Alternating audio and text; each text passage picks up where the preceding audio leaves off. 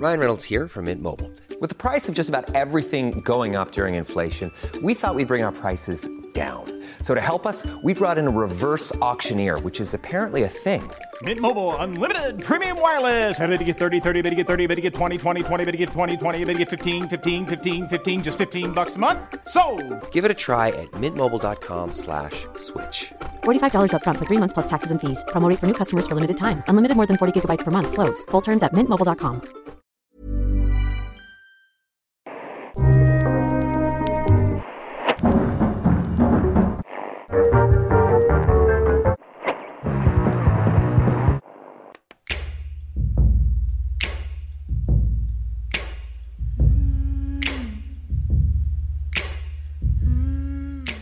Though I'd like to be the girl for him and cross the sea and land for him. Milky skin, my tongue is sand until the iridescent band begins to play. He's my brandy Alexander, always gets me into trouble. But that's another matter. Brandy Alexander. He's my branded trouble. But that's another matter. Brandy Alexander, he's my branded Alexander. Och det var Fosbal Radicals eh, intro den här veckan. Sämre har vi haft. Ja, men vi har väl också haft sämre veckor, i alla fall rent landslagsmässigt. Jag kände att eh, ska, vi, ska vi hylla, introhylla en spelare så är det väl vår Brandy Alexander Isaac. Ja, han är så fin och jag tycker det finaste med honom är att man känner att eh, för att fortsätta på låttexttemat We ain't seen nothing yet. Att det är både att han, han har avslöjat mer som spelare än som person än så länge. Man har Mm. alltid haft en sån där instinktiv känsla av att det här är en väldigt, väldigt begåvad ung man. Men som fortfarande har... En inverterad John Guidetti Ja, menar du? det är nog precis vad jag menar. Alltså inte att John Guidetti är obegåvad, men att John Guidetti visade korten. Eh, man kände från dag ett allt, allting han var och så tyckte man om det. Med Alexander Isak känner man att eh, ja, man känner instinktivt att han är smart, han är begåvad. Men att han också är snäppet, snäppet reserverad, vilket är ja, attraktivt i brist brist på bättre ord. Verkligen. Det är ju eh, som någon av de här stora Hollywoodstjärnorna var, någon av fransyskorna tror jag, som, eller var det, var det Bardot eller Deneuve som sa att eh, något jag förstod direkt på den stora scenen var att spela på min otillgänglighet. Mm. Och det verkar Alexander Isak ha medfött på något sätt. Alltså verkligen. Eh, jag vet inte, Bardot pratar ju om att hon, hennes skönhetstips var att, att säga till sig själv att hon, var, hon hade en hemlighet.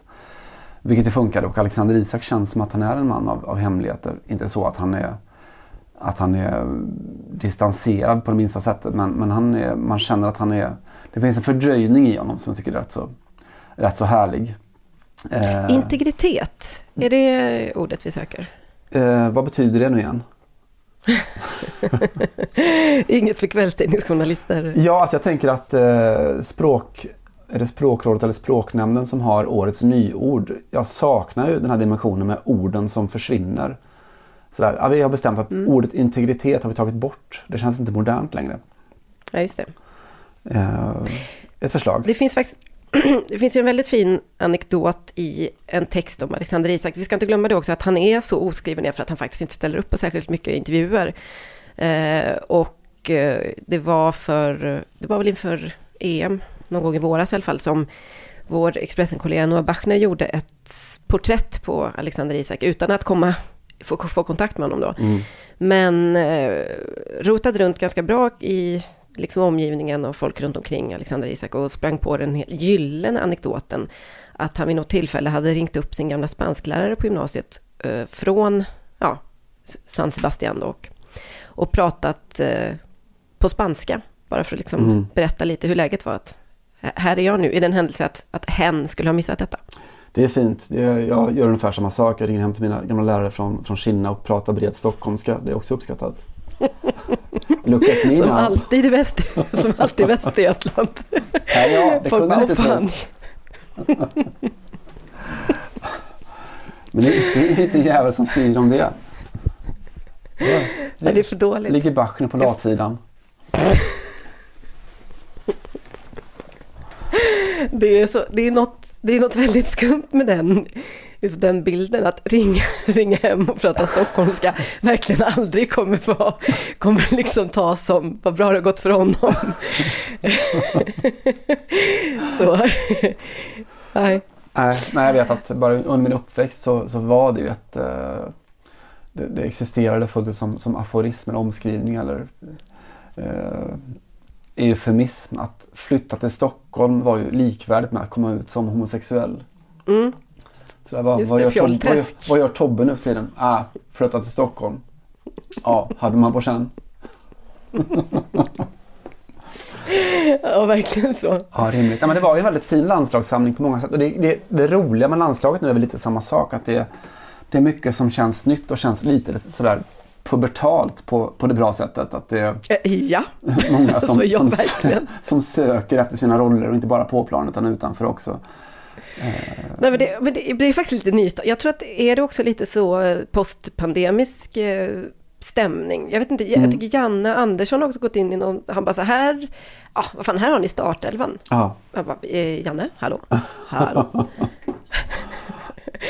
och så blev Grekland jätteglada över det.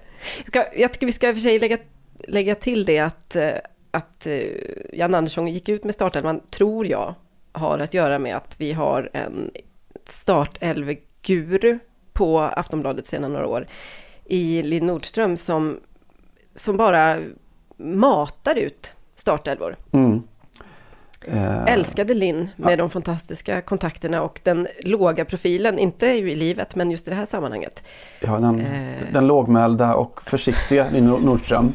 som, som vi älskar så mycket.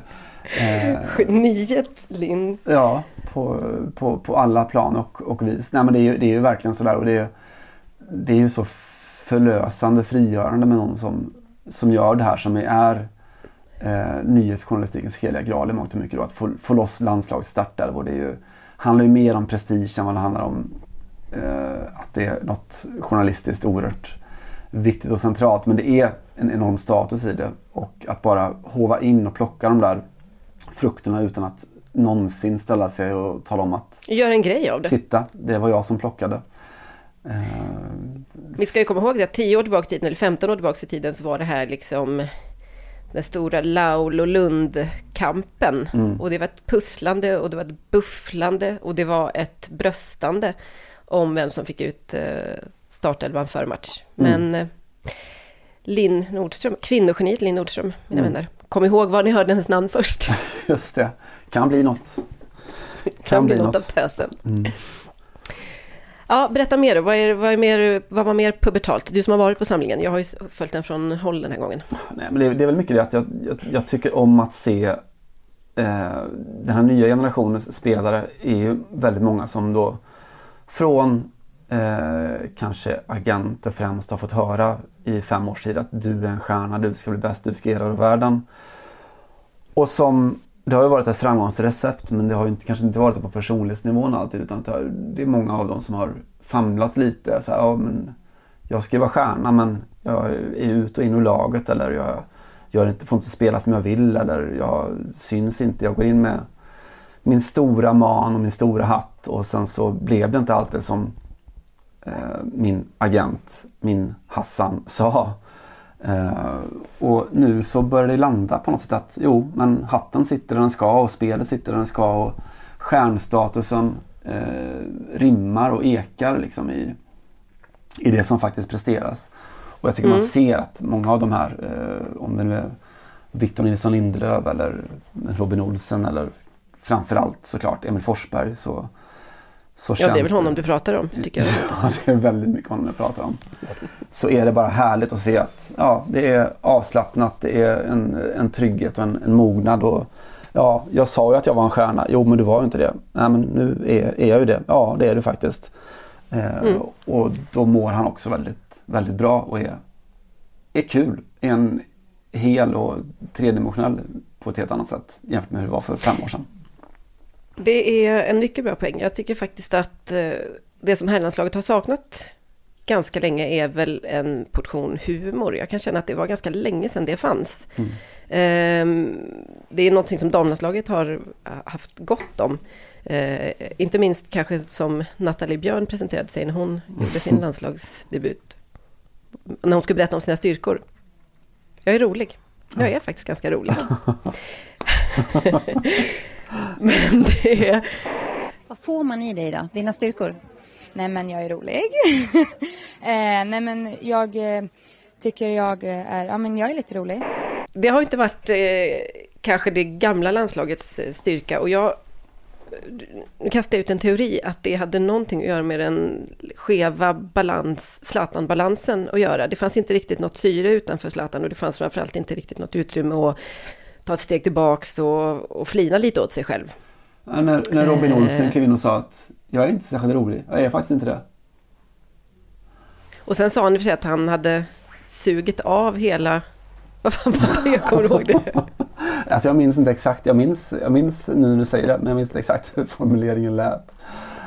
Jag, Ja, det var ju ofrivilligt i vi, alla fall. vi ska suga, var det inte något sånt där? Att, hur de skulle, Nej, de det skulle var fira inte- någonting eller något sånt där. Nej då, jag har sugit av allting. Eller jag menar, Men jag har väl gjort allting jag har kunnat. Eh, verkligen eh, sugit, av, sugit ut det mesta. ja. Eh, Glöm det. Vi, eh, jag gjorde i alla fall en... eh, Närmare Maradona en- har han aldrig varit kan man säga. Verkligen. Men jag gjorde ändå en närläsning av presskonferensen som var inför då Greklandsmatchen bara för... Alltså det var ändå lite oväntade detaljer och ibland lite konstig social stämning i den här presskonferensen. Det, det, har, det har ju varit andra tillfällen under den här samlingen som har kanske uppmärksammats lite mer. Det var någon som vid något tillfälle, tolken hade översatt ett citat till att matchen var en hora, läste jag. Fotbollen är en hora. Jag citerar ett gammalt eh, här bevingat grekiskt citat om att ibland är fotbollen en hora. Ja. Eh, och det kanske också var lite mer drag när eh, efter förra samlingen när Janne Andersson blev galen på någon materialare som stod och pratade lite i bakgrunden. Men det som hände den här gången var i alla fall att eh, ja, Emil Forsberg ledde in och var som sagt eh, ganska så charmant på frågan om han tyckte om startelvan till exempel. Från SVTs Johan Kücükaslan. Eh, Så att eh, den är ute nu och eh, då vet ni. Slippa få några sms av det. Vad, eh, det har aldrig hänt. Eh, pyttelite spänd stämning där. Eh, som Johan Kücükaslan försökte rädda upp. Osvensk stämning i Sverige. Lite osvenska stämningen. Eh, men jag tyckte också Emil Forsberg liksom tog verkligen tag i den här presskonferensen och när han hade fått en massa frågor så bestämde han själv för att dirigera om dem. Eh, en tisdag kvart i nio. Vad, eh, vad säger ni om det och det kanske draget som finns nu kring er? Robin. Han får en fråga och så säger han Robin, du kan ta den. Sen så kom Robin Olsen igång då och eh, sa följande på frågan om Emil Forsbergs utveckling. Ja, men Jag menar, eh, vi spelade tillsammans. Jag kommer ihåg när han kom till Malmö. Eh, jämför man då och nu så... Den utvecklingen hade väl inte... Den hade jag väl inte sett komma. Eh, schysst. Schysst. Det är så. Vi såg verkligen inte det här komma. Det gjorde nog inte många i Malmö. Tack för den, Robin och så vidare. Kompis. Eh, men Emil Forsberg är ju på så bra humör just nu så han kunde parera det här också. Egentligen bara en fråga som gör honom, inte stingslig, men man, som man känner är pyttelite eh, svår fortfarande att hantera. Eh, Jag pratar om Guldbollen-frågan. Mm. Nej, jag funderar väl ingenting på, på Guldbollen utan nu är fokus på, på, på morgondagens match. Eh, men Guldbollen är Guldbollen, det är ingenting jag kan påverka utan det, det finns en jury som, som, som bestämmer det. Eh, jag spelar min fotboll, jag har roligt och sen så får vi se. Här saknar man ju den automatiska följdfrågan. Vad skulle det betyda för Changa Forsberg? Ingen tar ansvaret och ställer den uppenbarligen. Men utöver det så är det ju intressant att eh, han både får det låta som att han inte alls tänker på Guldbollen Och samtidigt får det låta som att det är det enda som uppehåller honom. honom. Och eh, kastar också in den här klassiska fotbolls... Eh, eh vad ska man säga, fotbolls... Ehm, eh, för, eller man, det här förekommandet som man gör i fotboll, det är inget jag kan påverka. Just Det det. älskar ju fotbollsspelare att säga. Mm. Eh, jag vill påstå att om det är någon som kan påverka huruvida man får Guldbollen eller inte så är det kanske ändå Emil Forsberg. Men det kom bara så per automatik. Det där kan inte jag påverka. Man ska bara ägna sig åt det man kan påverka. Emil, eh, det här går rakt ut till dig. Du har störst påverkan av alla på om du kan få Guldbollen och jag tror att du ligger ganska bra till eh, i år. Sen så kom det in en tokfarbror på slutet och ställde den här frågan. Emil, hur mycket skulle det betyda för dig att få Guldbollen? Nej, jag skojar bara.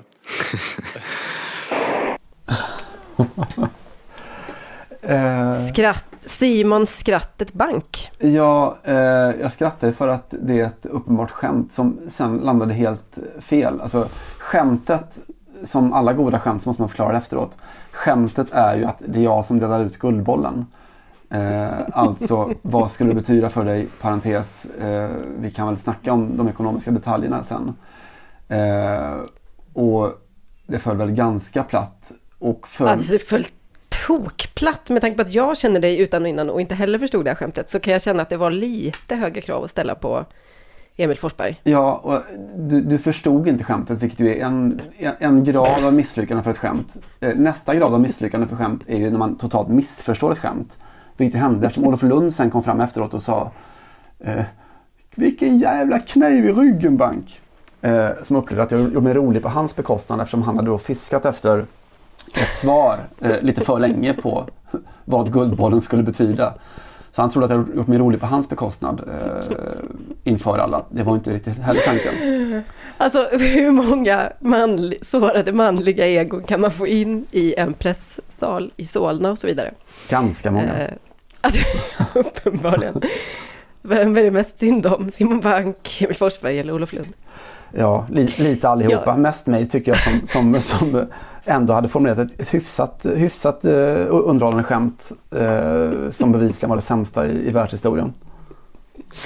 Jag säger återigen som Nathalie Björn, ni kanske inte är, styrka är kanske inte hennes. Så är det. Så är det. Mm. Jag, man kan säga mycket om det men jag är ingen björn. Ja, nej jag vet inte, det var roligt att följa detta på avstånd och jag längtar efter nästa samling för nu är det ju på riktigt. Ska vi prata lite fotboll också så kan vi ju konstatera att fan vad imponerande eh, med de här sex poängen, framför allt eh, sista halvleken mot eh, Grekland med Mm. tanke på hur kast det såg ut och hur mycket spöken som Mm. rimligtvis borde ha kunnat eh, smyga sig in i skallen där. Och eh, att det här laget också, lö- det, ny, det är ju det nya med svenska landslaget, att man på något sätt tidigare får tänka sig att vi måste sätta grunderna och vi måste ha, liksom, om inte kollektivet finns där så vinner vi inga matcher, för vi är Sverige. Och nu är det nästan tvärtom. Ja, om inte kollektivet funkar, om inte spelet sitter, så har vi några individer som är så jävla briljanta så de löser det i alla fall. Alltså jag tycker det är, det är en uh, what a time to be alive som ni skriver på Twitter. Att, uh, att följa landslaget nu är ju så väsensskilt från hur det, hur det har varit traditionellt. Att förr så, så man såg ju samma match i tio års tid. Alltså under Lagerbäck, Söderberg och sen Lagerbäck. Så det var samma match som, som utspelades i tio år. Varenda match var exakt likadan. Vilket var en oerhörd styrka och en, eh, kanske någon slags inverterat charmant drag också. Men det var inte det roligaste eh, att följa det av, av just det skälet. För att man, man kunde sätta papper i maskin och kopiera i princip samma text efter varenda match. Malta, eh, ja, nej, 1-0, 2-0 men de, det här är styrkan i det svenska laget, att vi vet vad vi har dem. De glittrade men de, de gör sitt. Eh, Sverige mot England. Åh, vilket oerhört lag som mejslar fram eh, oavgjorda matcher fast de är så underlägsna. Tack Mm. vare sin organisation. Nu är det som att varje match är, åtminstone innehåller kanske tre eller fyra matcher. Eh, man får så mycket att förklara. Varför såg det ut värdelöst ut i de här 20 minuterna? Varför såg det bra ut i de här 20 minuterna? Och varför stoppade Alexander Isak upp bollen i krysset eh, i en enskildhet? Så att det, det, det händer så oerhört mycket mera kring det här då, pubertala landslaget. Alltså det är ju en exakt liksom, parallell till hur livet ser ut. Hur om det förut var att följa en 50-åring så är det nu väldigt mycket att följa en tonårstjej.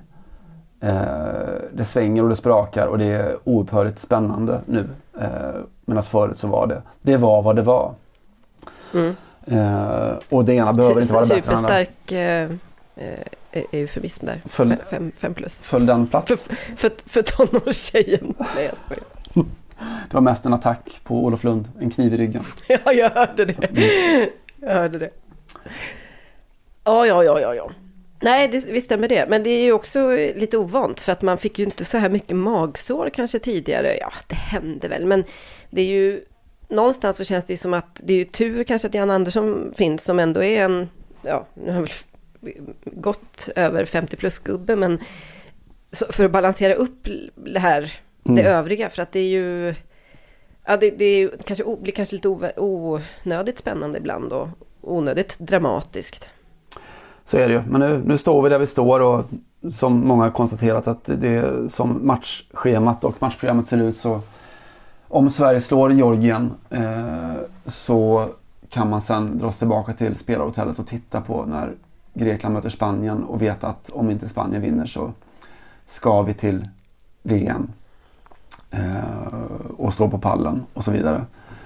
Eh, så det är ett ganska, ganska festliga förutsättningar för fortsättningen. Verkligen. Så är det. Det om Sverige. var mycket landskamper, mycket spel ute i hela världen. Var, Mm. Jag har inte haft blicken på annat håll än Sverige. Det har väl kanske du haft mer än vad jag har haft. Ja, så jag spanade såklart in Nations League-finalen. Frankrike-Spanien. Ja, det var det roliga med de matcherna är ju det är lite som, men jag, jag var på Confederations Cup året före VM i Brasilien, alltså 2013. Vi reste runt där med en ganska bantad SVT-trupp, men ändå. Och såg den finalen som då var mellan Brasilien och... Ah, det har jag glömt. Men däremot såg vi matchen om tredje pris, tror jag det var. Som var mellan Italien och ett lag som jag också har glömt. Och eh, italienarna firade liksom. Och sen så, ja, du vet, de kastade sig eh, famnar, eller armarna på varandra. Och sen så insåg de att, fast det är klart, det är Confederations Cup och vi vann matchen om tredje pris. Och det är ju lite samma med Nations League. Hur, det finns ingen ram riktigt för hur mycket firar man den segern. Um, så att eh, det var, ja, nej, det, var, det är ju mest spännande att se hur, hur mycket de ska gå, gå loss där. Och, eh, men oavsett så konstaterade ju eh, både Didier Deschamps, Kylian Mbappé och övriga att det här var en titel vi inte hade. Det var ju roligt att se Didier Deschamps efteråt också. Han eh, sådär under sin obefintliga lugg eh, säger till någon tv-kamera att Åh, vi har vunn- att vinna matcher, att vinna titlar, det är jag inte van vid.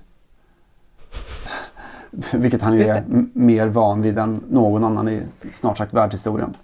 Ja, kan man säga. Mm. Quand on gagne des matchs, quand on gagne des titres, voilà. Pas habitué. Men det var väl en liten eh, revansch ändå för eh, EM. Eh, EM av, alltså utfallet och EM ut, ut ur trädet mot Schweiz som vi minns. Med smärta i Frankrike. Men, och, och det var väl också det faktum att Frankrike lite grann, kanske som Sverige, inte fick spelet att stämma så mycket, men ändå med hjälp av individuell briljans på kanske lite ännu högre nivåer än Sveriges eh, slår, till slut står Spanien relativt komfortabelt, även om Spanien har matchen i sin hand i alla fall spelmässigt. Ehm, vi ska inte glömma det att Didier Deschamps Frankrike har egentligen aldrig spelat vad det som många skulle klassa som bra fotboll. Det, det är väldigt sällan de dominerar en match rakt över. Eller, framförallt inte bollinnehav, utan det är ju det är ju ett lag som bygger mycket på, på eh, individuellt kunnande, på eh, kontringar, mycket på fysisk styrka och teknisk briljans såklart. Men det är ju inte något, eh, ett, land, eller ett landslag som, som går in och med ambitionen och, och underhålla konstant i 90 minuter plus tilläggstid. Nej, det är inte Harlem Globetrotters. Det är ju ovanligt och slående att se ett lag som har då, det är världens bästa eh, trupp så, men som balanserar ändå relativt defensivt i sitt, som har en defensiv grundtanke i sin fotboll. Eh, Ja, visst. det gör dem väldigt svåra att slå. Man har inte förlorat en match på, eh, alltså på ordinarie tid och så på, ja, så länge jag kan minnas i princip. Men har ändå inte tagit titlarna, har ändå inte charmat folk. Och, eh, sen är det ju, det har ju någonting att det är just Benzema som, som går in och avgör naturligtvis. Ja. Eh, inte Ja, minst med tanke på det som vi pratade om förra veckan med Seymours eventuella presidentkandidatur eh, och sådär. Alltså, det, det är inte många... Säg det igen. Kandidatur. Presidentkandidatur. Så himla bra. Nailed it. Det, ja, verkligen. Nej, ja, vi, nej, men precis. Det är ju eh, det är ju ganska slående och det är ju, det är som det är med den saken. Men landslaget blir ju onekligen ett politiskt slagträ igen nu då. För att Mm. eh, ni vet hur det är. Går det bra så hyllar ena sidan och går det dåligt så får andra sidan vatten på sin kvarn. Eh, och det är klart att Karim Benzema är kanske den som mest får, vad ska man säga, symbolisera den här eh, gruppen av eh, liksom unga, in, eller unga men invandrarkids som ses som ett problem när, när det går dåligt för landslaget. Eh, och då kan vi konstatera att ha, Benzema var väl, är väl den enda spelare som har varit konsekvent bra sedan förra våren. Jag menar, han hade ett par matcher i början där innan han kom in i men han var ju den enda som kanske var riktigt bra under EM, även om det inte räckte då.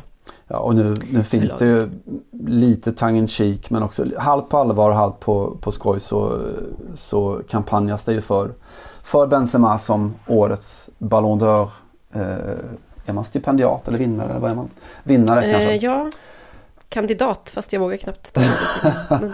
Ja, det, det finns en kandidatur där någonstans. mm.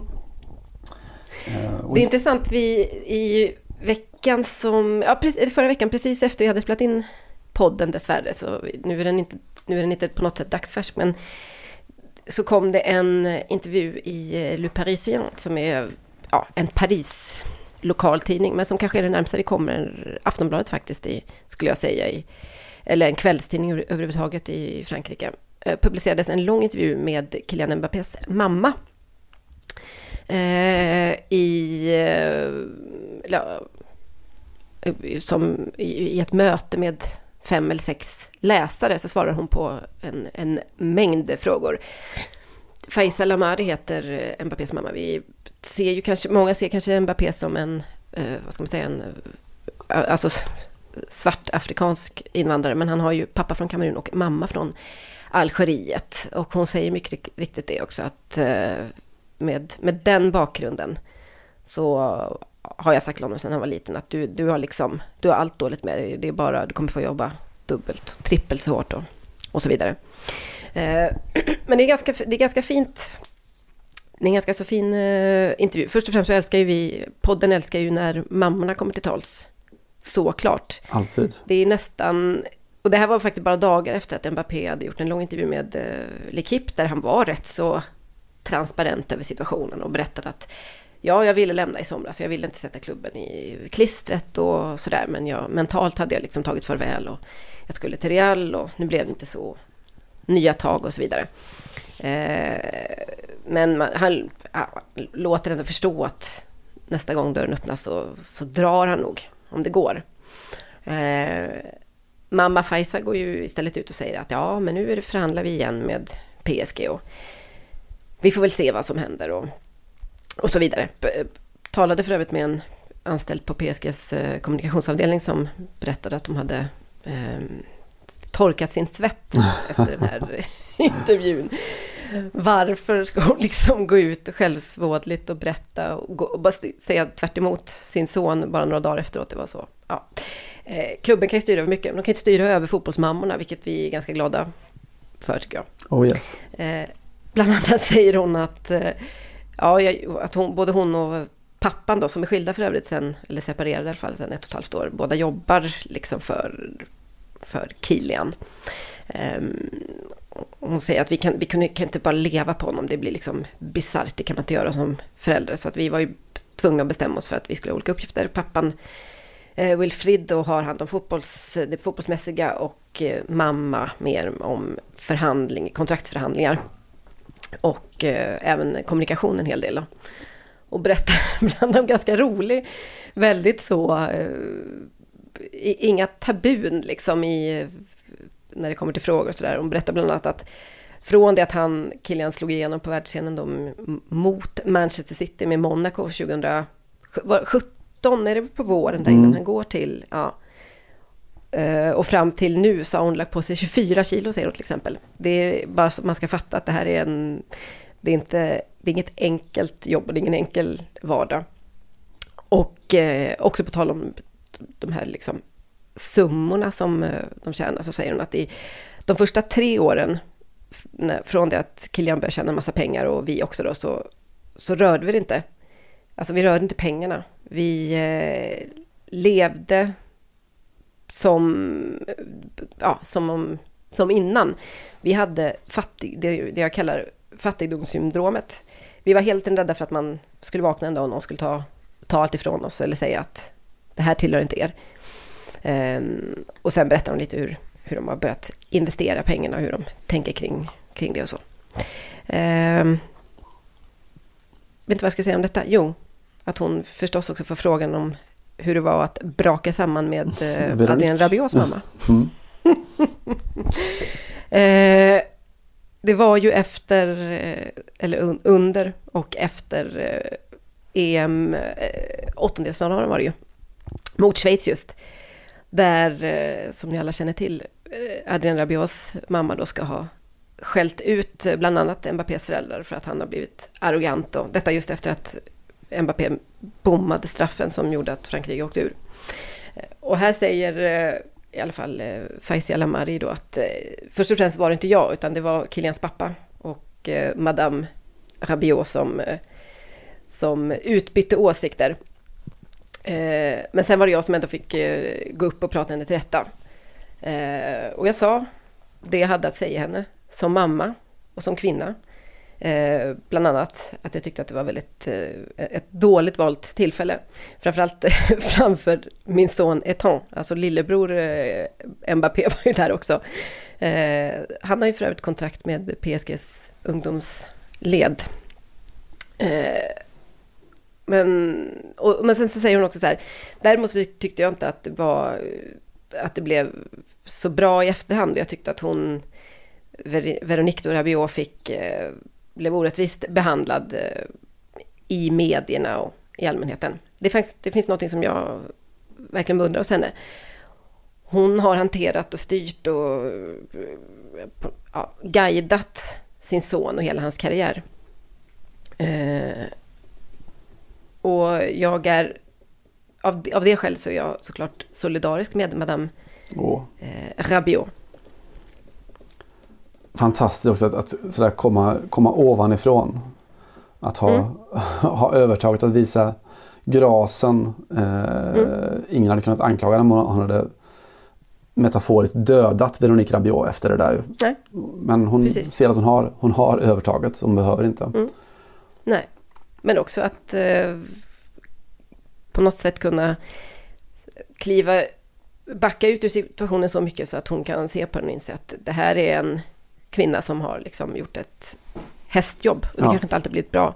Men som kvinna kan jag vara solidarisk med det hon har gjort, för jag vet hur svårt det är att befinna sig i den situationen. Ja, och det är ju alltså hon har ju helt rätt i det också att Veronique Rabiot är ju en eh, i mångt och mycket hon har blivit ett skämt såklart. Den, den stora starka agentmamman till sin bångstyrige tonårs supertalang. Eh, men det finns ju en, såklart en oerhört stark bakgrundsberättelse där också med pappa Rabiot som ju drabbades när eh, Rabiot var väldigt liten av det som väl kallas för locked in syndrome tror jag att det heter.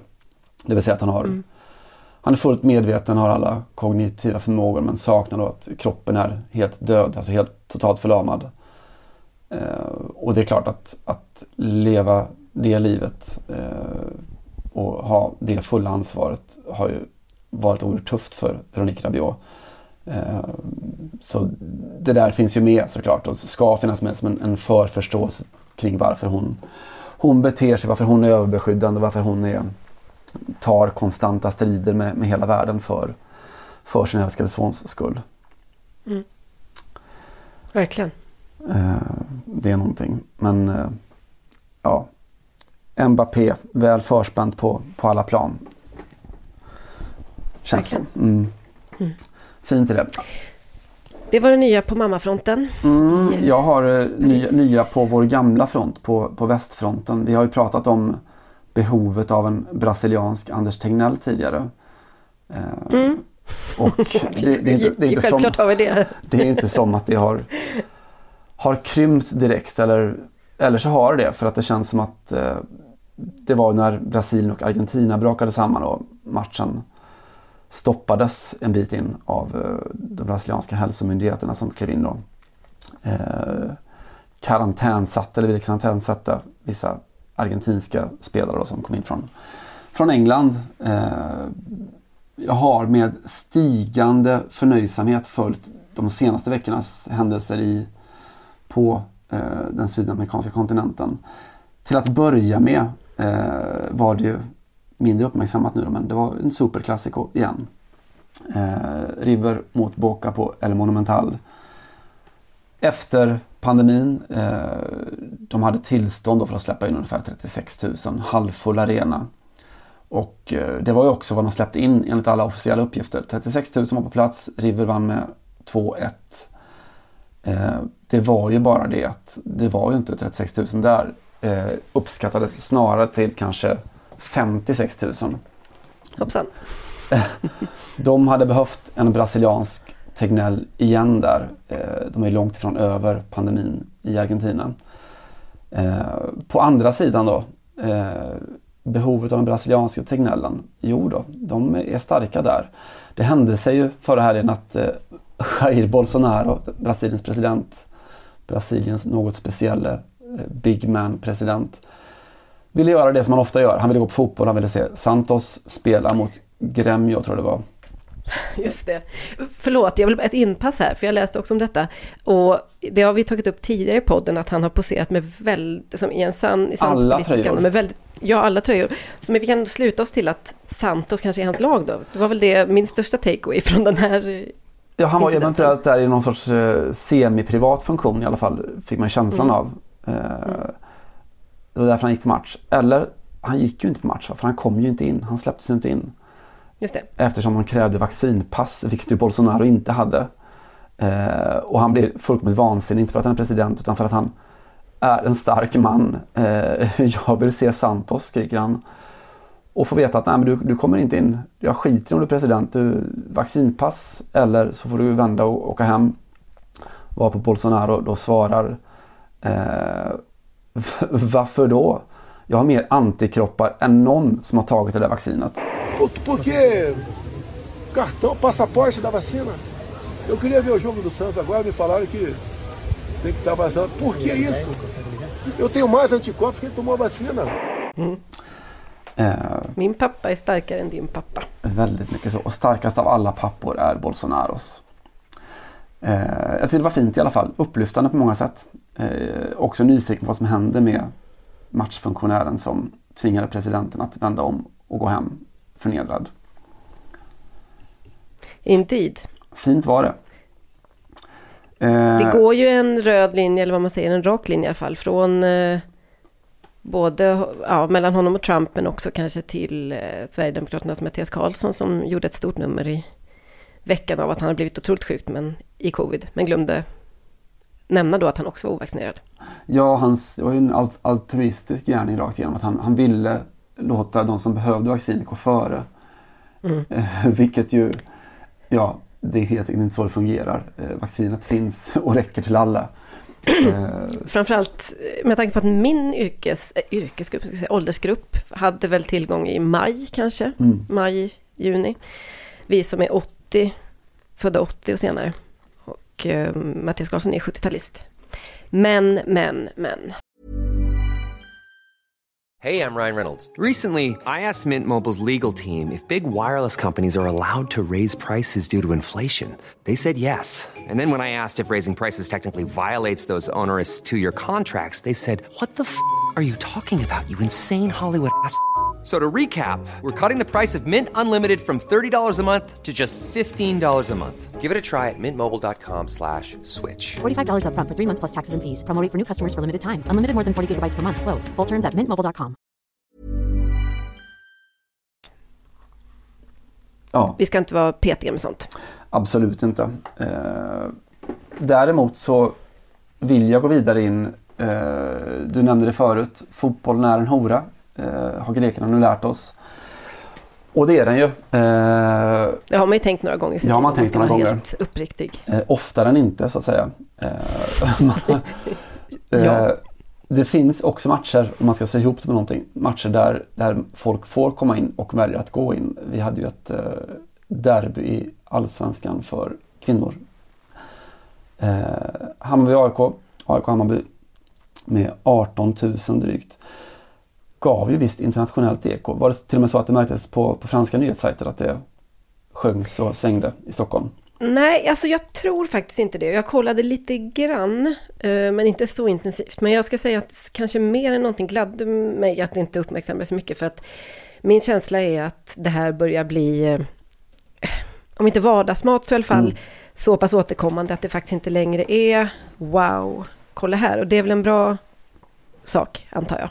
Ja, alltså det är ju det är klart att om, om, Spanien och Portugal och, eh, har hunnit före med, med den här sortens publiksiffror och ännu större så Mexiko. Mex- alltså, det men finns ju... gud, Mexiko som, där det händer saker. Jag noterade Mm. också med förtjusning att eh, där har ju ett, ett knippe eh, herrklubbar i fotboll fällts eh, och dömts till dryga, väldigt dryga böter för att de då är sexistiska i sin grundkonstruktion. Att de har eh, tillämpat lönetak för, för kvinnliga spelare och, eller inte haft damlag eller, eller sådär. Mm.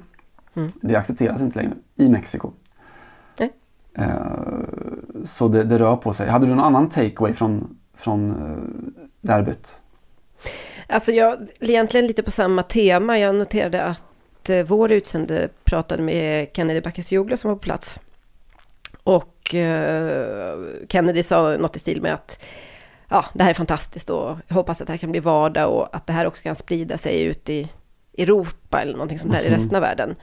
Eh, vilket jag tyckte var både lite sött och eh, faktiskt det ger en ganska bra bild av att vi tror att vi fortfarande ligger först med det här Mm. i Sverige. Eller ja, att eh, titta vad vi kan, hoppas de andra kan ta efter. För att återigen, det här är inte en ovanlig syn längre internationellt. Eh, vi ska inte påstå att det sker varje helg eller långt därifrån, men det är fortfarande en, en eller fortfarande, det är numer eh, ett återkommande fenomen. Och egentligen handlar det här om, och det tycker jag kanske är det tydligaste om man tittar på eh, Stockholmsderbyt, att eh, det handlar bara om kommunikation. Alltså Mm. egentligen handlar det bara om att man bestämmer sig för att den här matchen är så viktig så nu ska det vara fullt. Och så Mm. sprider sig ordet och så börjar eh, supporterhetsen. Och till slut så blir den, den här matchen så, viktig och får den inramning som den förtjänar för att man hetsar helt enkelt. Alltså på, på det gamla, klassiska och fina sättet. Eh, det är klart vi ska gå på derby, eller ni galna. Vi ska stå där med våra bengaler och hylla våra lirare när de slår AIK och så vidare. Jag tyckte att det var, det, det är så tydligt, det var, det var ju liknande för, för några, ett par år sedan när Sverige, Sveriges damlandslag skulle möta Tyskland och någon bara kom på tanken att ska vi inte slå rekord, Mm. eh, publikrekord på den här matchen? Och så blir det bara en grej.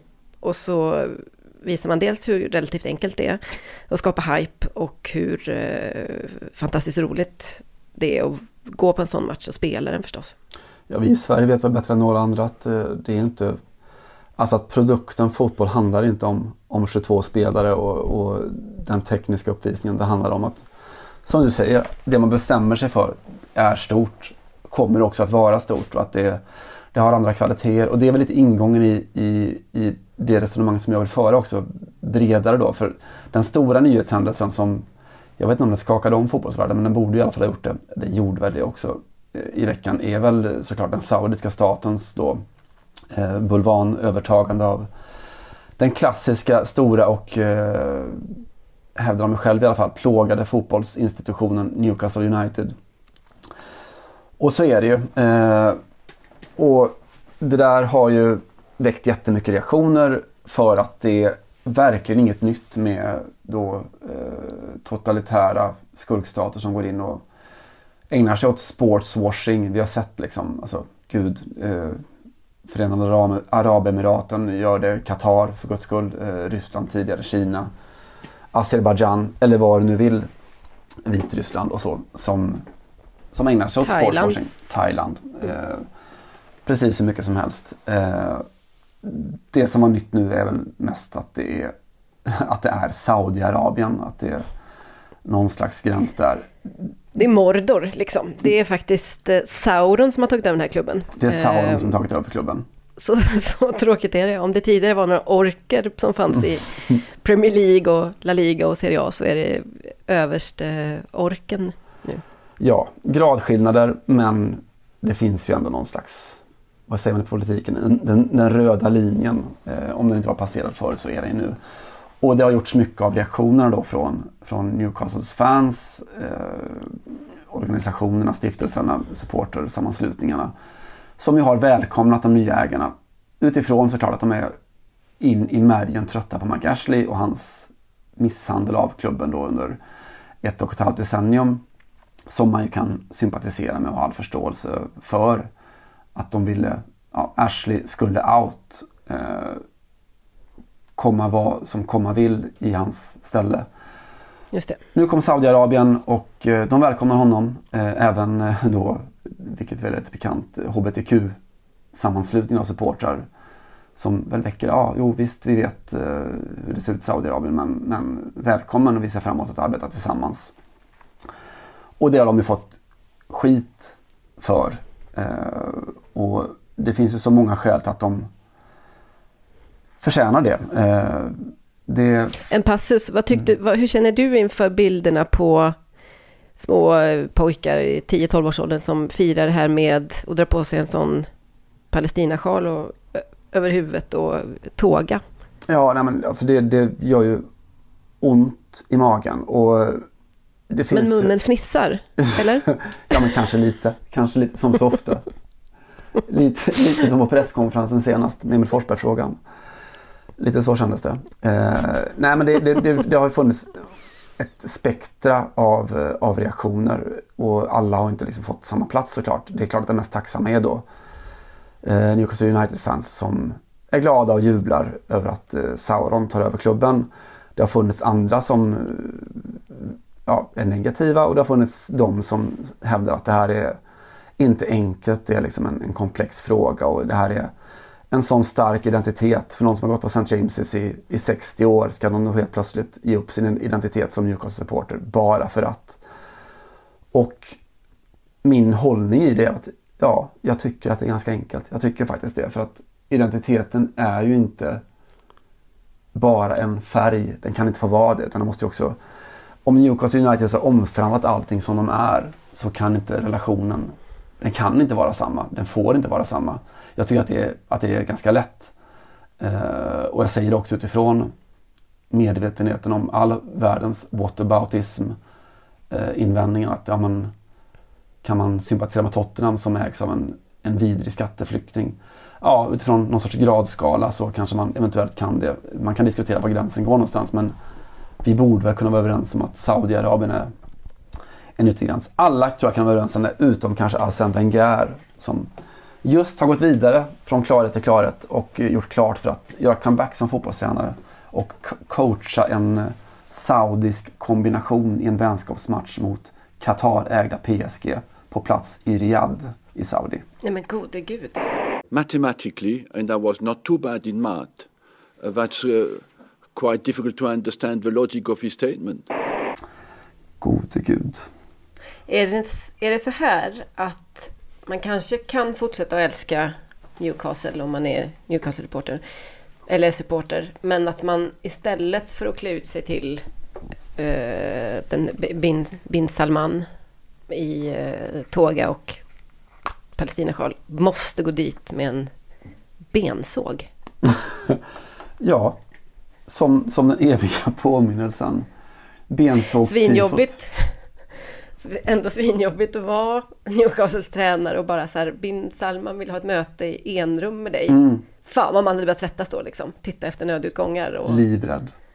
ja, dra på alla sådana plats, platsaktivitet på mobilen. Ja, vore inte bara negativt om Steve Bruce hamnade där i och för sig. Han skulle kanske kunna klara av det. Eventuellt. Nej men det, det finns alltså också om man tittar på vad, vad gör vad gör de här övertagarna med, med en stad och med ett lokalsamhälle och när, närområdet och så vidare.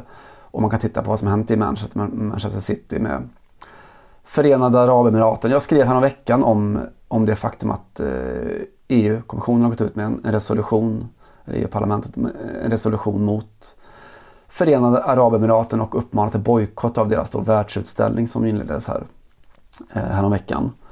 Eh, vilket då borde kunna få följdverkningar också vad gäller det snarlika Qatar och deras VM-arrangemang.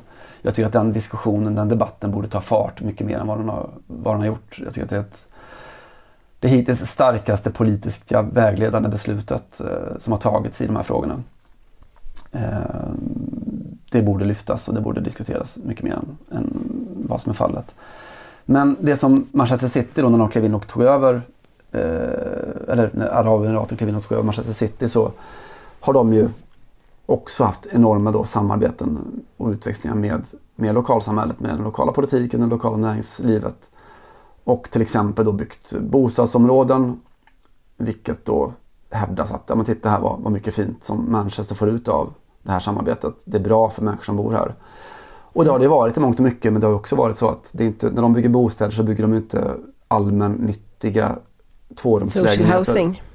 Not so much utan de bygger lyxlägenheter som ju leder till samma sak som det vi ser i Sverige att de som inte har resurserna och medlen kommer inte kunna bo kvar och eh, ja, det, det, löser ingenting för dem utan det blir snarare en, en del av segregationen och eh, ja, ytterligare gentrifiering. Det är det som händer då, utöver allt det här med eh, förtrycket av kvinnor eller homosexuella eller antidemokratin eller vad man, vad man nu vill. Eh. Men hade det på något sätt så är det ändå kanske lite skönt om jag får vara cynisk då, att de ändå också är så tydligt, så tydligt saknar liksom eh, gräsrotskontakten även när det kommer till sådana projekt. Det hade varit svinjobbigt om de hade smält upp, liksom, inte vet jag, Europas största så social housing komplex och eh, uttalat sig om eh, bostadsbristen och vikten av jämlika förhållanden på bostadsmarknaden. Och de hade varit Marcus och, Rashford helt plötsligt. Ja, ja, just det. Och, utan det, jag menar, det, är, det är mycket lättare, det är ju mer kritiserbart som det är nu om du förstår vad jag menar. Ja, det är, det är lättare med en tydlig värld. Sen så, som jag var inne på, det finns en gräns för komplexiteten. Jag köper inte att det är Komplext och jättesvårt. Jag tycker att det borde ha varit eh, revolution och det borde ha varit det för länge sedan i många av de här fallen. Eh, kring det som faktiskt händer, att det de gör att de tar de gör inte Newcastle United till en bättre, till en Champions League-utmanare. De gör Newcastle United till en klubb som inte ens längre finns. Eh, för det som alla har signat upp för eh, under hundra års tid existerar inte längre. Det här är någonting, någonting helt, eh, helt väsensskilt och, och an, annat och annorlunda och, och värre. Och den som vill ha en påminnelse om varför, det är bara att studera. Vad, vad gör Saudiarabien? De, de bombar Jemen, de förtrycker kvinnor. Eh, det är liksom en krigförande makt. Och visst, komplexiteten ligger väl i att engelska staten har samarbeten med, med Saudi. De har sålt vapen till, till Saudiarabien och så vidare. Sverige har sålt eh, mm. flygplan till, till Förenade Arabemiraten och, och så vidare. Men det är ingen ursäkt. Det är en, eh, för fotboll är också annorlunda på, på så många sätt. Den är eh, ja, det, den måste kunna vara ett, ett tydligare val. Den måste kunna bottna i, i någonting annat än att vinna fotbollsmatcher.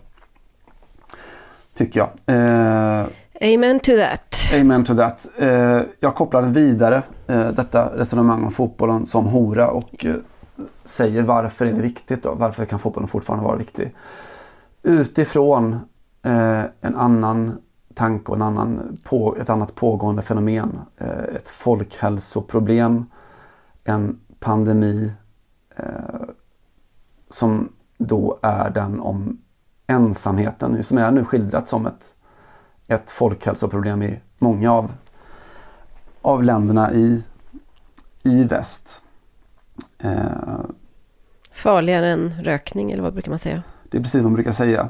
Eh, och ja, fotbollen kan ju faktiskt vara en, en viktig motpol till det. Jag läste den här intervjun förresten i Guardian i, i veckan med Francesco Totti. Nej! Vad är det du säger? Stor intervju med tanke på att han då, hans eh, biografi översatts till engelska. Eh, och han framstår ju som väldigt mycket äldre än sina, vad är det, 45 år snart. Mm. Eh, han är ju romanista och han är romantiker och han pratar om ja, men dagens fotboll är bara business. Eh, han säger att scudetto med Roma för honom betyder mer än VM-guldet eh, med Italien. Mm. Eftersom det var hans stad, det var hans folk och det var hans rötter. Och allt det där. Eh, pandemin, ensamhet. Eh, jag konstaterar att mötesplatserna blir ju allt färre. Det är liksom, eh, vi ser en, inte bara i Sverige utan i många länder i väst, en stor inflyttning till, från landsorten, från de små sammanhangen in till storstäderna. Eh, du har liksom hela digitaliseringen av yrkeslivet och det sociala livet. Du har eh, jag har noterat att 20% av alla svenskar äger tydligen ett gymkort. Flest i hela Europa. Va? Yes. Men gud. Som ju också är en... Det låter inte sunt. Nej. Alldeles Det oavsett om man, om man använder det eller inte. Eh, så är det ju ändå så att det är, ju- det är ingen slags social träningsform för de flesta att gå på gym. Eh, om man jämför med att till exempel spela fotboll eller handboll eller volleyboll eller vad det nu än är. Ja, fast man kan ju gå på eh, gruppgympa vet du. Är den social då, gruppgympan? Ja, fris- gympan på Friskis är väl social? Du går ändå dit som individ väldigt, väldigt mångt och mycket, gör man inte det? Eh, Vad sa du, går dit? Som individ väldigt må- mångt och mycket. Eller har man, har man lagkompisar? Har du någon som du pratar om, om livet med? Alltså, jag, dra inte in mig i det här. Jag går absolut inte på gruppgympa, men eh, jag vill ändå mena... Jag tycker bara om bilden. ja, ja, det är bra. Det har väl hänt i och för sig eh, att jag har gjort några gånger. Men eh, jag, jag tror att det, alltså det, man får nog distingera där mellan... Eh, när jag går på gym, vilket jag tyvärr gör då. Tyvärr så hör jag ju till de här 20 procenten. Eh, jag vet inte hur många det är i Frankrike, det är väl 5 procent kanske. Mm, känns det mm. som. Men ändå. Och då går jag och tränar enskilt. Eh, Så jag tillhör inte de här. Men jag noterar att många av dem som går på grupp och grupptränar ändå gör det av sociala skäl ganska mycket, Mm. tror jag. Det kanske är så. Jag tror bara att det inte är samma form av, av mötesplats, kanske ett gym, eh, ett sats, eh, som ett omklädningsrum. Så är Är det. min Dessutom känsla. så är det ju faktiskt fler och fler, i alla fall i Frankrike, fler och fler gruppträningar som sker virtuellt. Alltså du kan Mm. gå till och med till en sal och så är det bara en skärm som du, där du följer en eh, instruktör. Just det. Eh, Mm. Det kom en bok för ganska många år sedan som författades av, av två epidemiologer, eh, Richard Wilkinson och Katie Pickett. Eh, och det här var liksom innan då epidemiologer blev rockstjärnor och så. Innan de hade, hade annat är det någon av de syssla med. 22 eller är de... Jag måste veta vilken sida de är på innan jag kan De är nog på eh, här. motsidan gissar jag. Jag tror att de är närmare Brasiliens Tegnell än vad de är de 22. Okej. Eh, det vet jag inte. Men det var alltså innan man ens visste, att det fanns epidemiologer så gav de ut en bok som, eh, eh, som då tittade på vad ökad ojämlikhet gör med, med våra moderna samhällen. Eh, och kom fram till att en av faktorerna med ökad ojämlikhet är att, att ensamheten ökar lavinartat. För att det är svårare att umgås över klassgränserna eh, beroende då på det de kallar för social evaluative threat. Alltså att man då är rädd för att värderas utifrån sin sociala status. Att det är svårt att närma sig framförallt uppåt. Eh, för att du är rädd att bli nedvärderad för att du ja, billiga kläder och så vidare. Eh, och i allt det här liksom med, med då eh, den ökande ojäm, ojämlikheten som vi också ser och vi ser att eh, de här elitklubbarna på något sätt i alla fall skiftar identitet, kanske tas ifrån. Ja, slits upp med rötterna och tas ifrån oss. Så tycker jag ändå att det är värt att peka på eh, att vad finns det för starka då, eh, motpoler till det ensamma samhället där vi har svårt att umgås över klassgränserna. Och då är det lätt att peka på det som fotbollen tra- traditionellt har varit. Eh, och det som den fortfarande kan vara om den inte är då en social status utan är en, en genuin mötesplats istället. Verkligen. Fotbollen över som klassgränserna, över åldersgränserna, över nästan alla gränser. Ja etniska, sociala, sexuella gränser, vad som helst. Eh, för det är det som fotbollen har varit, det som läktarna har varit. Att det är en, en mötesplats, en publikidrott. Du är liksom totalt närvarande och totalt jämställd med alla som står, står bredvid. Eh, Simon Cooper skrev någon väldigt så här stark text för något år sedan om alltså den engelske kosmopolitiske epokgörande får man ändå säga. Eh, tråkmånsen till, till fotbollsjournalist. Som berättade om då erfarenheten när han kom tillbaka till England. Då, från, han är ju engelsman men hade, hade hela sin uppväxt ute i han var väl i Sydafrika och, och Nederländerna och så tror jag. Holland, ja Mm. just det. Eh, och han kom hem för att plugga på universitetet och så märkte han då hur eh, framförallt då killar pratar med varandra där. Att de liksom kallar varandra för Oj Spurs eller Du Chelsea. Eh, att de liksom var Mm. sina klubbar. Mm. Eh, i, I Holland då, så där menar han på att där så frågar man vilka spelar du med? Alltså vilket korplag spelar du för? För att alla spelade Ah. fotboll. Ja. Eh, men i England så var det liksom vilken, vilken klubb du höll på. Eh, och jag kan liksom själv relatera till det. Att, jag, menar, jag är en ganska relativt ensam man. Eh, omfattas av den här epidemin ensamhet. Att jag, har, eh, jag har många nära vänner men, men inte så många som jag umgås med kanske. Och, och jag vet att många sådana relationer som jag har med, med de här eh, andra killar som man kanske har tappat bort på något sätt. Så när man har kontakt med varandra så handlar det ofta om ett sms om, om fotbollslaget. Liksom. Eh, har Chelsea förlorat en riktig match kan jag skicka iväg ett elakt sms till någon gammal polare som jag inte har pratat med på tio år för att ja, han, han är Chelsea eller, eller så. Eh, min gamla chef som håller på Leeds kan jag höra av mig till eller för att han håller på Västerås i bandy eller 95 procent av min kommunikation med Erik Niva nu för tiden handlar ju om, om Tottenham och, och sådär. Kommer du ihåg att Andre Walden gjorde en film för SVT som hette Kan andra hitta en vän? Eller Just det. Kan andra få en Precis. vän? Eh, när han åker tillbaks till Norrköping som han kommer ifrån. Mm. Och eh, pratar med killar som var hans kompisar där. Undrar lite vad som... Ja, varför är vi inte kompisar längre? Eller varför Mm. liksom hörs vi inte? Och, och berättar i en passus att, de, att det helt plötsligt var jättemycket kontakt året då Norrköping vann guld. Mm. SM-guld. Eh, vad är det, tre år sedan någonting kanske. Och filosofera kring det där om, om deras... Om det var så att de inte hade haft någon kontakt, om det inte hade gått så bra för Norrköping den, den hösten framför allt. Det stämmer ju verkligen in på, på det som du pratar om. Ja, vi tjejer har ju lite andra saker vi hör av oss om. Ja, sant. Och jag tror att det, vi har pratat om det förut, eh, begreppet om, om limbisk resonans. Alltså det där att du... Som vi har. Ja, du ser. Är det vi? Om man med vi menar du? det, det gör vi ofta. Om man med man menar mannen. Eh, det jag lyfter min teori Min mamma och jag hördes ju bara om eh, Fantasy Premier League i ett år i och för sig. Du ser. Ni, ni, Mm. ni grabbar ni också. Ja. Eh, nej, men mitt teoribygge där handlade ju om att alltså, den limbiska resonansen när, människor ser varandra i ögonen och interagerar genom att eh, du ser den andra och kan, kan, agera utifrån det. Men min, min, min teori var att, att män eh, är friast i, i situationer utan limbisk resonans. Det vill säga att till exempel du åker i en bil där man inte ser varandra. Då kan man prata öppet rakt ut i luften om Mm. alla viktiga saker. Eller för all del på en fotbollsläktare där alla står vända åt samma håll. Man ser inte den andra utan går upp helt och hållet i den andra. I den, den sortens gemenskap. Får mig att tänka på när eh, P.O. Enquist var värd för Allvarligt talat i P1 för några år sedan. Och fick en fråga om, kan man, jag tror frågan var, kan man ha ett meningsfullt samtal utan att titta på varandra? Mm. Något sånt där.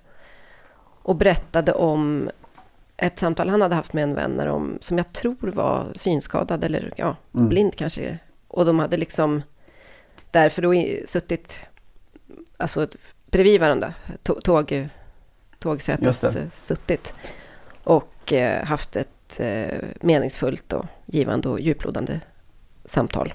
Kan man prata med blinda? Det var det P.O. Enquist tyckte att han skulle... En fråga värd att väcka.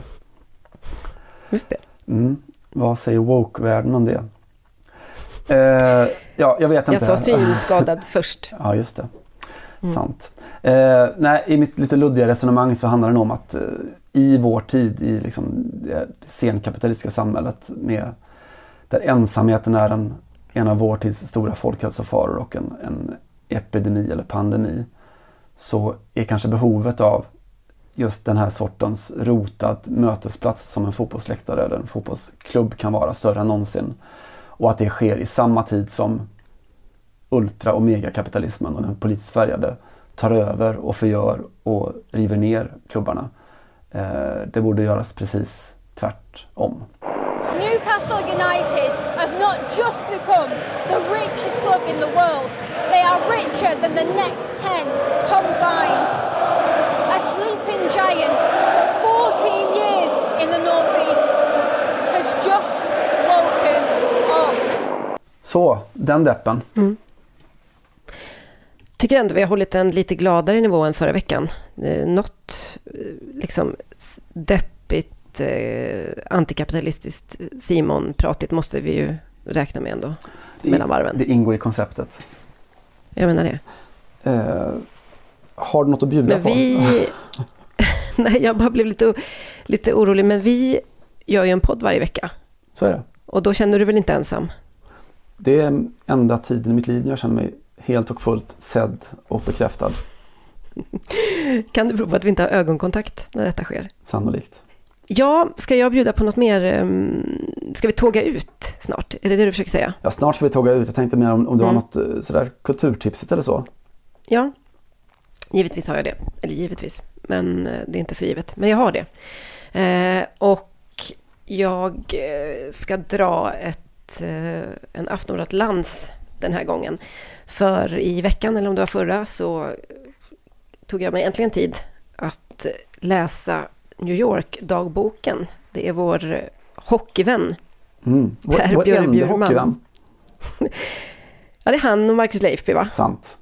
Ja, det är ju de man känner en, någon form av själslig samhörighet med, trots hockeyn om vi ska säga så. Ehm, ja, Per Bjurman eh, fick ju ganska mycket ångest när pandemin bröt ut och till slut satte han sig och skrev dagbok som gick att följa och som jag läste med stort intresse då när den publicerades på, på bloggen på Aftonbladet. Men nu är den sammanställd sedan flera månader i en bok eh, flera månader. Den kom ut för snart ett år sedan. Så att, hej och hå. Eh, det är, jag är ju väldigt förtjust i böcker som handlar om städer, eller verk som handlar Mm. om platser helt enkelt. Och det är inte, det är inte allas kopp med te, men eh, älskar Parisskildringar och tror att ett skäl till att jag alltid liksom längtade till Paris var den, den liksom stora floran av Paris-litteratur. Baudelaires flanörsverk. Ja. Ja, Mm till exempel. Eh, och ni kan ju räkna ut själva, New York-dagboken är ju en eh, lång eh, lista av eh, ja, bar och restaurangtips. Och, eh, man går på gatorna med Per Bjurman och man känner barbecue-lukten verkligen. Och eh, man står med honom i hissen de 47 våningarna upp. Eh, vänd med ryggen mot grannen. För eh, det var en regel ett tag i New York att man fick vara två i hissen men man fick inte man fick eh, så att säga inte ha, ha ögonkontakt. Undrar om det var många bra samtal där förresten. Säkert. Mm. Ehm, så jag, och jag fick ett akut längt efter New York, vilket inte händer så ofta heller. Eh, det här är ju inte en podd som av förklarliga skäl landar så ofta i Nordamerika. Men jag kände att vi behövde dels väga upp geografiskt lite grann och eh, man behöver inte älska hockey heller för att eh, tycka om Per Bjurman eller New New York-dagboken. Så det blir kulturtipset eh, den här veckan. Det är fint. Nu fick jag lite, inte bara New York- New York-längt utan också lite Per Bjurman-längt. Det kan aldrig skada. Mm. Eh, jag tänker skicka ut oss med också en lite gladare ton. Nyfiken förresten. Daniel Alvers var... Hur, honom? hur välvilligt inställd är du? Jag har ett svårt förhållande till Annie Alvers. Nu skulle vi sluta, avsluta den här podden, men jag, jag har ju haft mycket att göra med honom och tycker ju att han är intelligent och vältalig. Framförallt har han en intelligent blick. Mm. Men det är något som skaver ändå. Eh, Det är något lite spexigt över honom som jag har lite svårt för. Men det är, det är egentligen, det är väl mest eh, detaljer. Berätta vad du har på honom. Nej, jag tyckte det var intressant för att jag, jag hade en känsla av att det var ungefär så. Att du inte, att du inte hade Mm. en, en svart eller vit bild av honom. Nej, jag tänkte berätta om eh, han i veckan, eller här om veckan var och pratade i en, eh, i en stor intervju hemma i Sydamerika. Och berättar om att han, eh, att bli fotbollsspelare, att bli världens bästa ytterback var liksom aldrig något som han egentligen ville göra. Hans dröm var något helt annat, nämligen, då får du gissa. Spela beachvolley på Copacabana. Alltså bra nära. Nej, men han ville bli, han ville bli artist, han ville sjunga. Ja. Han, han säger Mitt liv har alltid varit musiken. Min själ är Mm. musiken. Fotbollen blev min dröm för att det var någon annans dröm. Eh, en av de viktigaste människorna i mitt liv, nämligen min pappa. Så Mhm. jag köpte hans dröm, eh, men jag brydde mig inte. Eh, jag ville bli musiker. Men gud.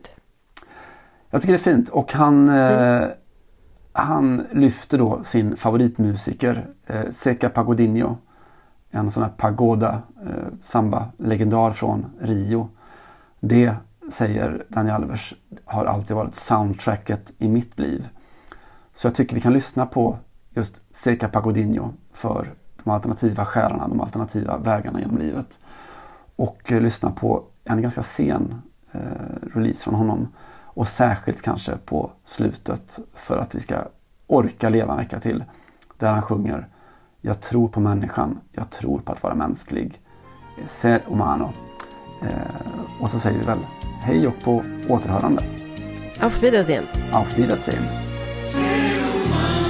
Quero ver sempre no teu rosto essa felicidade, o teu sorriso iluminado que me faz tão bem. Du har lyssnat på en podcast från Aftonbladet.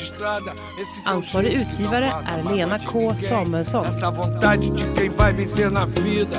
Eu tô com Deus e sei que Deus está contigo. Teu coração não cabe dentro do teu peito, que está lotado, transbordando de amigos. Você tem sempre uma palavra.